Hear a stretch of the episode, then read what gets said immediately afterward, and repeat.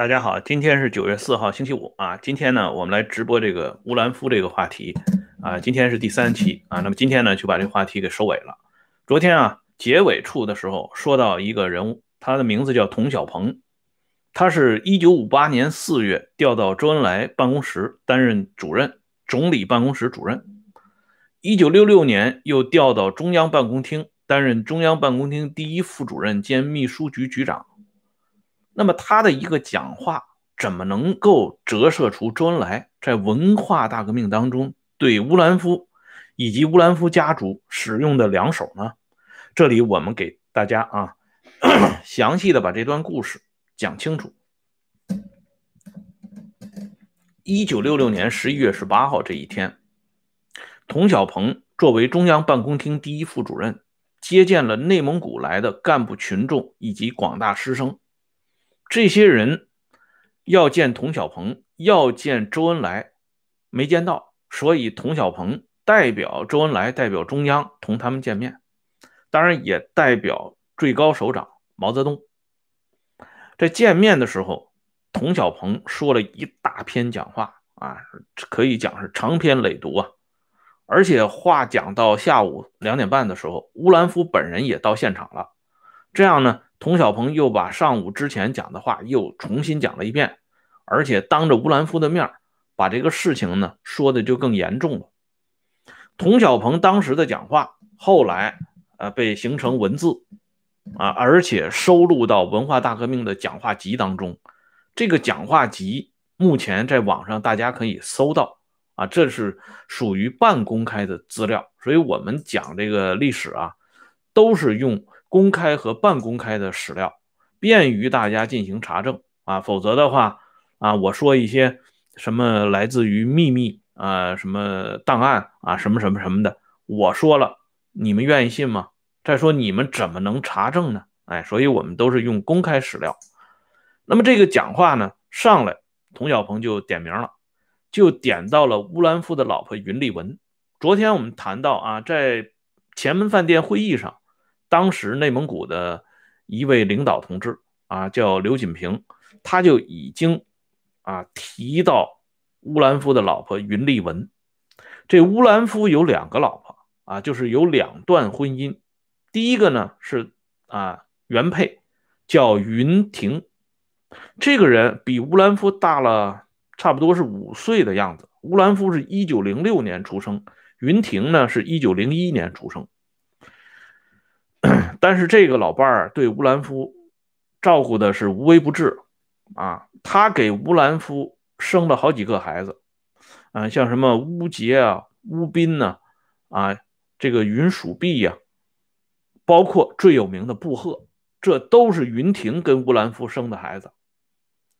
后来参加革命之后，乌兰夫又碰到了另外一位革命伴侣，就是云丽文。这云丽文呢，是一九二二年出生。比乌兰夫呢整整小了十六岁，啊，这两个人就跑到一块儿去了。他们两个人呢又生了一堆孩子。这互联网上说这乌兰夫有八个子女啊，四男四女，这个说法是站不住脚的。其实乌兰夫标准的是六个孩子，啊，这个乌兰夫同云丽文生了是好几个孩子，但是。对这点呢，乌兰夫和云丽文的小女儿云山，她晚年有过一个回忆。她说，她爸爸妈妈呢，在战争恐种年代，确实是生了一些孩子，但都没站住。最终站住的就是两个孩子，啊，所以就是说，乌兰夫和云丽文，呃，生的孩子活下来的就两个。那这个云丽文。在整个批判乌兰夫的运动当中，一直是主角啊！昨天不是讲吗？说乌兰夫最重要的错误，千言万语归结为一句，就是你太听云丽文的话了，怕老婆。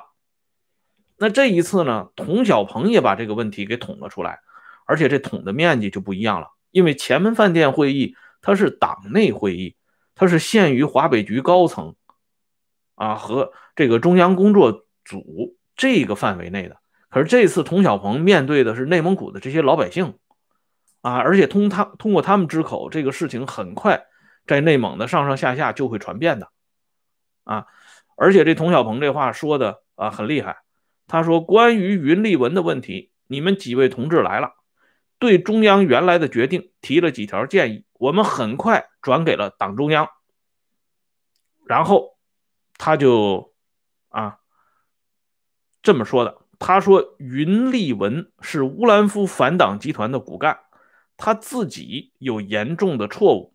但比较起来讲，反党集团的错误，首先是乌兰夫，再有就是奎毕、吉亚泰等人。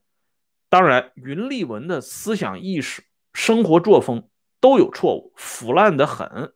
我们主要在政治上肃清影响。云立文，中央决定把他留在北京，不是让他在这儿避风，实际上是让他停职反省。中央责成他反省检讨。一次不行，两次、三次，他的案子由中央审查。啊，有的同志提出他是内蒙的干部，一般干部，这个理由也是对的。但是他的案子跟乌兰夫的案子有关，将来由中央直接审查。中央慎重考虑了，大家有什么揭发材料，可以交给中央归专案小组来审查。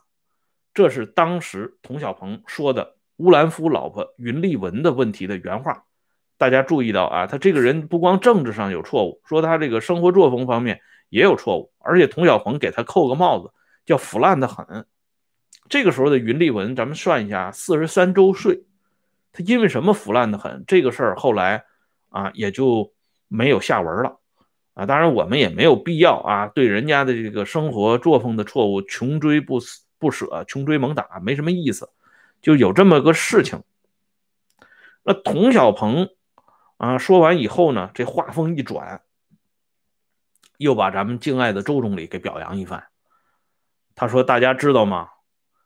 周总理啊是世界第一大盲人，几百万红卫兵的接待都是总理组织的，总理做出模范。国务院中南海首先开放接待一万名红卫兵。”因为红卫兵是主席请来的，啊，邓大姐同总理住在一个家，几天见不到总理。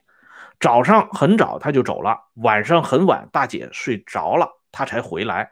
总理很忙，所以今天不能跟你们谈话。中央主席、总理对内蒙古是很关心的啊，等等等等，就又说了一大堆。这童小鹏不愧是给周恩来长期服务的啊，说的话是滴水不漏。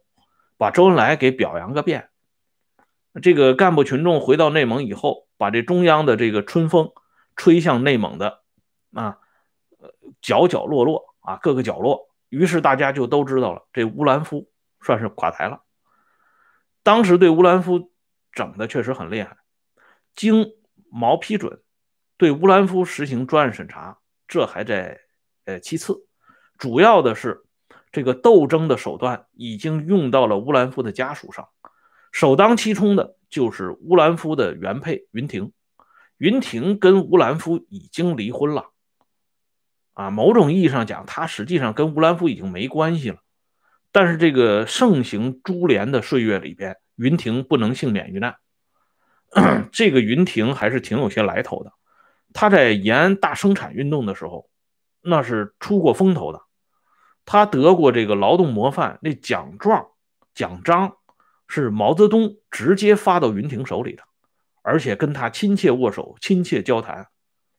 周恩来也多次啊高度评价过这位内蒙古的女战士，说她一手纺纱，一手拿枪杆子，文武双全啊，而且为革命诞育了四个儿女，很了不起啊，是妇女的典范。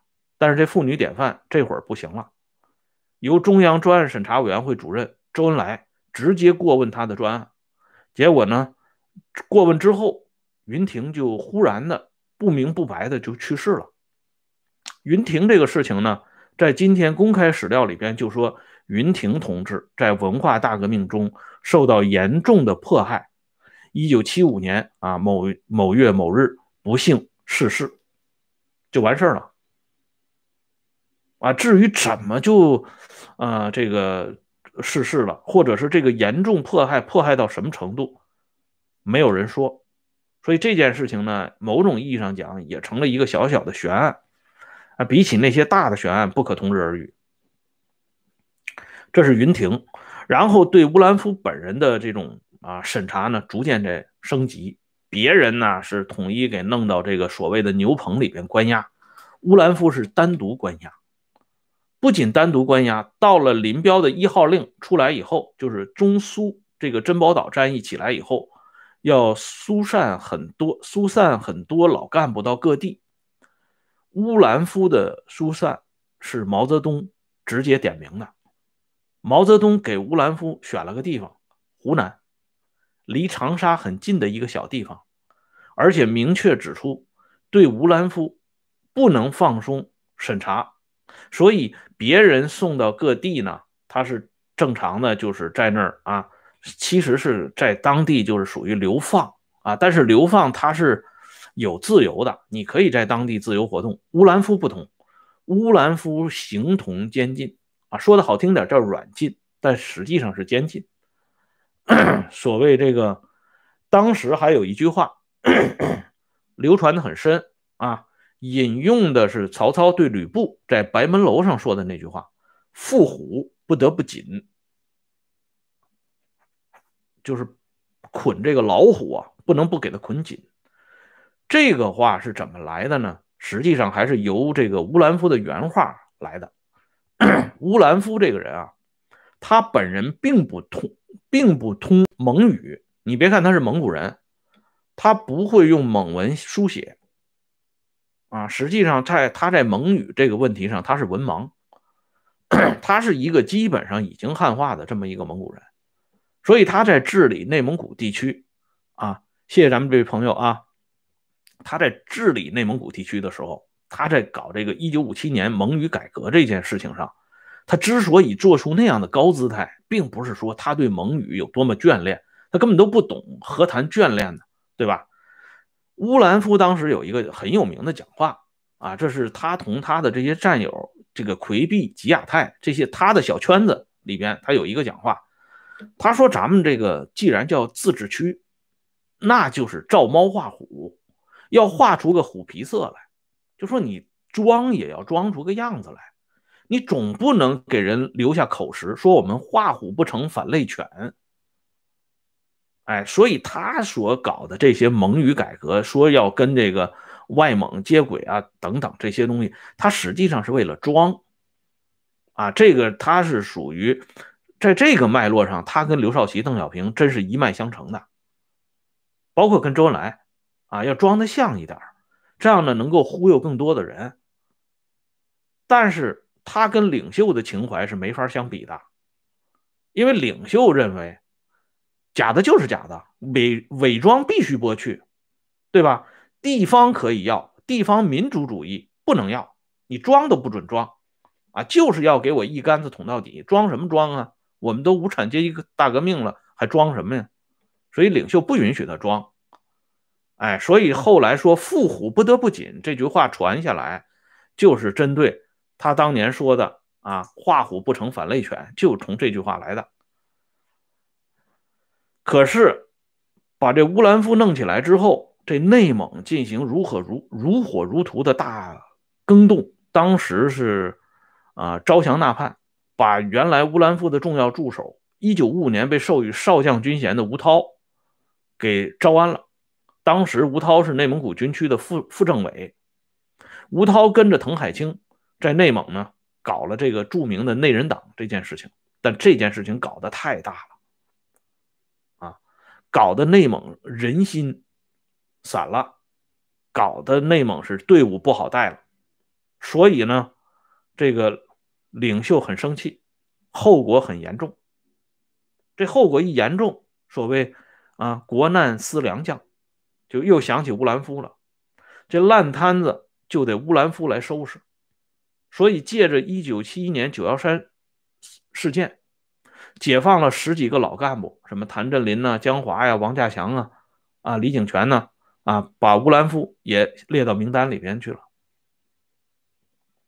当时对内蒙的这个手术动的是很厉害的，啊，把东四盟划给了东北，东四盟就是今天我们说所说的三世一盟，兴安盟、昭乌达盟、呼伦贝尔盟，啊，和这个哲里木盟，就是今天的赤峰市、通辽市、呼伦贝尔市以及兴安盟三世一盟，划到这个东北。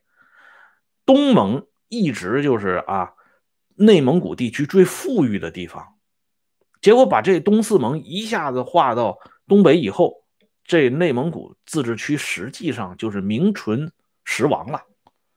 先是弱其根本，然后再集中管理，这个是一贯的做法。但是，一九七九年乌兰夫复出之后，这东四盟呢又重新划回给内蒙了。这件事情呢，东四盟的一些当地干部还是有情绪的。为什么呢？当地干部是这么解读的。在八十年代啊，八十年代初，这个这些当地干部是说过这类新曲的啊。他是怎么讲的呢？他说这东四盟划到东北之后，我们生活更好了。为什么呢？因为他们呢，虽然在内蒙古地区算是富裕户，可到了东北地区呢，他就算贫困户了。因此，这个辽宁省、吉林省、黑龙江省这三个省对这东四盟都是啊伸出援助之手。因为他是贫困户嘛，就是给他拨了很多钱和物啊，接济他们，让他们的生活一下子就上了台阶儿。而且正因为贫困户，他在向中央缴纳的财政税收方面，他是有优惠政策的，自己留的钱就多，所以这个无论是干部还是群众，生活都明显改善了。那么这回重新划回内蒙，那他又从贫困户变成富裕户了，他不仅不能享受这些政策。反而他还要接济西蒙那些落后的地区，所以他这个生活一落千丈。从这个例子里边，我们也可以看到，乌兰夫当时搞这个内蒙自治区经济，其实搞的是很一般、很一般的。啊，从这个东四盟，呃，失而复得这个过程就能够看到。而且为了给这个乌兰夫啊，这个拜拜火，啊，消消气儿。我们刚才讲到，一九六六年十一月十八号，这讲话的中央办公厅第一副主任童小鹏就被抛了出来，成了替罪羊了。啊，这是童小鹏晚年写的回忆录，回忆他的老主公周恩来风雨四十年，两大本子啊。这里边把周恩来夸的是从天到地呀，但是这里呢，童小鹏一不留神也给我们讲了这么一个故事。就是他这个讲话呀，在内蒙的这个讲话不久，就是一九六七年一月二十四号，中南海内部的这个造反兵团得到汪东兴的默许和同意，对童小鹏进行纠斗，把这童小鹏给弄出来了。弄出来以后，按说这童小鹏从一九三六年就跟着这个周恩来啊，几十年风风雨雨，他不讲吗？风雨四十年啊，追随这个周恩来、邓颖超两口子。那这个时候，作为总理，你应该说句话吧？这总理没说话，一直没说话。然后这童小鹏就被解除职务，然后又是给下放到干校啊，监督劳动。到了一九七二年三月，这童小鹏要到南昌去，啊，不是到南昌降服，给他贬到南昌齿轮厂当副厂长，厂革委会副主任。他到北京辞行。专门到西华厅去看望周恩来、邓颖超夫妇，哎，实际上啊，也是想曲折的向这夫妇俩求个情，能不能把他留在北京？就他们俩一句话，因为这个时候林彪已经垮台了，周恩来重新站了出来，中央的大事小情，在这一段时间里，周恩来发言权是极大的。可是周恩来在这个时候居然问了邓童小鹏一句话。所以，童小鹏晚年的回忆录是这么说的：“他说还有一件怪事情，他把这个事情称之为怪事情。所以他写到回忆录里边。周恩来当时问童小鹏一句，他说：‘啊，这里呢，童小鹏的原话是这么写的啊，他说我向周恩来、邓颖超辞行，周恩来未表态，但突然问我一句：你是怎么调到总理办公室的？’”然后周恩来说：“有人反映童小鹏调到总理办公室是我周恩来提名的。”这一下子就把这童小鹏给搞懵了。咱们这总理啊，这讲话的艺术真的是了不得。这样呢，童小鹏给大家解释了一下，他是通过当时国务院副秘书长兼总理办公室主任齐彦明他们安排，按照正常手续啊，进入到总理办公室接替齐彦明担任这个主任的啊，不是周恩来提名的。而周在这种关键时刻突然提出这个问题，也不能不说，确实是一件怪事情。那么。批判乌兰夫、批判乌兰夫的老婆云丽文的这些罪责，自然而然都落到了童小鹏身上。而且童小鹏也不是周恩来点名调到总理办公室的，跟周恩来和邓大姐一点关系都没有，所以大家都轻轻松松了。童小鹏轻轻松松的回到了江西，一直到周恩来病入膏肓的时候才回到了北京。那周恩来和邓颖超又轻轻松松的去开展下边的一系列的工作了。哎。这个咱们这总理的手段就是这么清奇啊，非常厉害。乌兰夫啊，回到北京以后，虽然暂时给挂了起来啊，给了一些闲职，全国人大常委会副委员长，但是后来呢，又给了一个实职，就是中央统战部部长。再以后啊，一九七九年，乌兰夫正式复出以后呢，官职就越做越大了，中央政治局委员了，国家副主席了。那么他的家族呢？又水涨船高，重新回到这个统治格局当中来。这个邓小平当年批判乌兰夫的人，这个脸色 马上也翻转了。在一次啊这个颁奖大会上，这个乌兰夫很兴奋的指着其中一个获奖人员，跟邓小平说：“你知道吗？他是我们家老二，乌斌。”邓小平说：“我认识这孩子。”哎，你看。这又恢复了这种通家示好的这个状态。乌兰夫口中的老二乌斌，后来叫乌可利，曾经担任中国长城工业总公司副总经理，晚年呢享受副部级待遇。他的第三个儿子乌杰担任过国家体制改革委员会副主任和全国政协委员。他最有名的长子布赫担任过内蒙古自治区政府主席，长达十年。后来呢？重袭他老爹的旧职，全国人大常委会副委员长啊，头些年已经去世了，德祥高寿，九十岁。那么乌兰夫十六岁上生的这个女儿长女云蜀碧，曾经在大型电视连续剧《乌兰夫》这个电视剧里担任过顾问，在自治区里边担任过卫生厅的这个党委书记。那么乌兰夫的这个外甥啊，还有这个 他的儿媳妇。就是布赫的老婆啊，等等，这家族里边的这些大大小小的成员，在内蒙古地区呢，都是身居要职。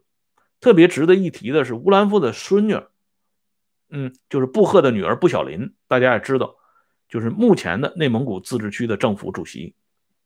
这乌兰夫家族在整个内蒙古地区就是这么一个状态，所以呢，当地人，呃，就是有一些老百姓就开玩笑。说这个过去的成吉思汗呢叫铁木真，现在的成吉思汗呢叫乌兰夫，啊，这当然是句玩笑话。但如果对比这个清朝，因为清朝是满蒙结盟嘛，满蒙世通婚姻。从这个清朝的例子来看，乌兰夫家族类似于啊前清的这种蒙古王公贵族兼军功世袭贵族，一身兼两职。蒙古这个整个的蒙古各部啊，在清朝的时候有两个王爷最有名，一个是清朝雍正乾隆年间的和硕超勇亲王世袭罔替的额驸策凌啊，再一个就是 清朝道光咸丰同治年间的和硕博多洛噶台亲王。就是俗俗称的科尔沁亲王森格林沁，只有这两位王爷啊，在当时满蒙这个结盟过程当中是最突出的啊，最有特色的。他们都是世袭的铁帽子王，哎，但是呢，啊，有一点不同，因为这两个人跟清朝的当局呢都是有婚姻关系。这个策凌呢是乾隆皇帝的亲姑父，而后边的这个僧格林沁呢，跟咸丰皇帝是亲表兄弟、姑表兄弟。这乌兰夫跟这个上层他没有联姻啊，就是这么一个区别。但是其他的区别已经不大了。好了，今天呢，咱们关于乌兰夫的这个话题到这里呢就结束了。从明天开始呢，咱们重新回到这个党史杂谈当中。感谢朋友们上来收看啊，欢迎大家继续关注温相说时政这个频道啊，每日都有更新，偶尔呢还有加餐。今天就有一个加餐，专门讲了一下样板戏的风云人物。啊，李玉和的扮演者钱浩亮。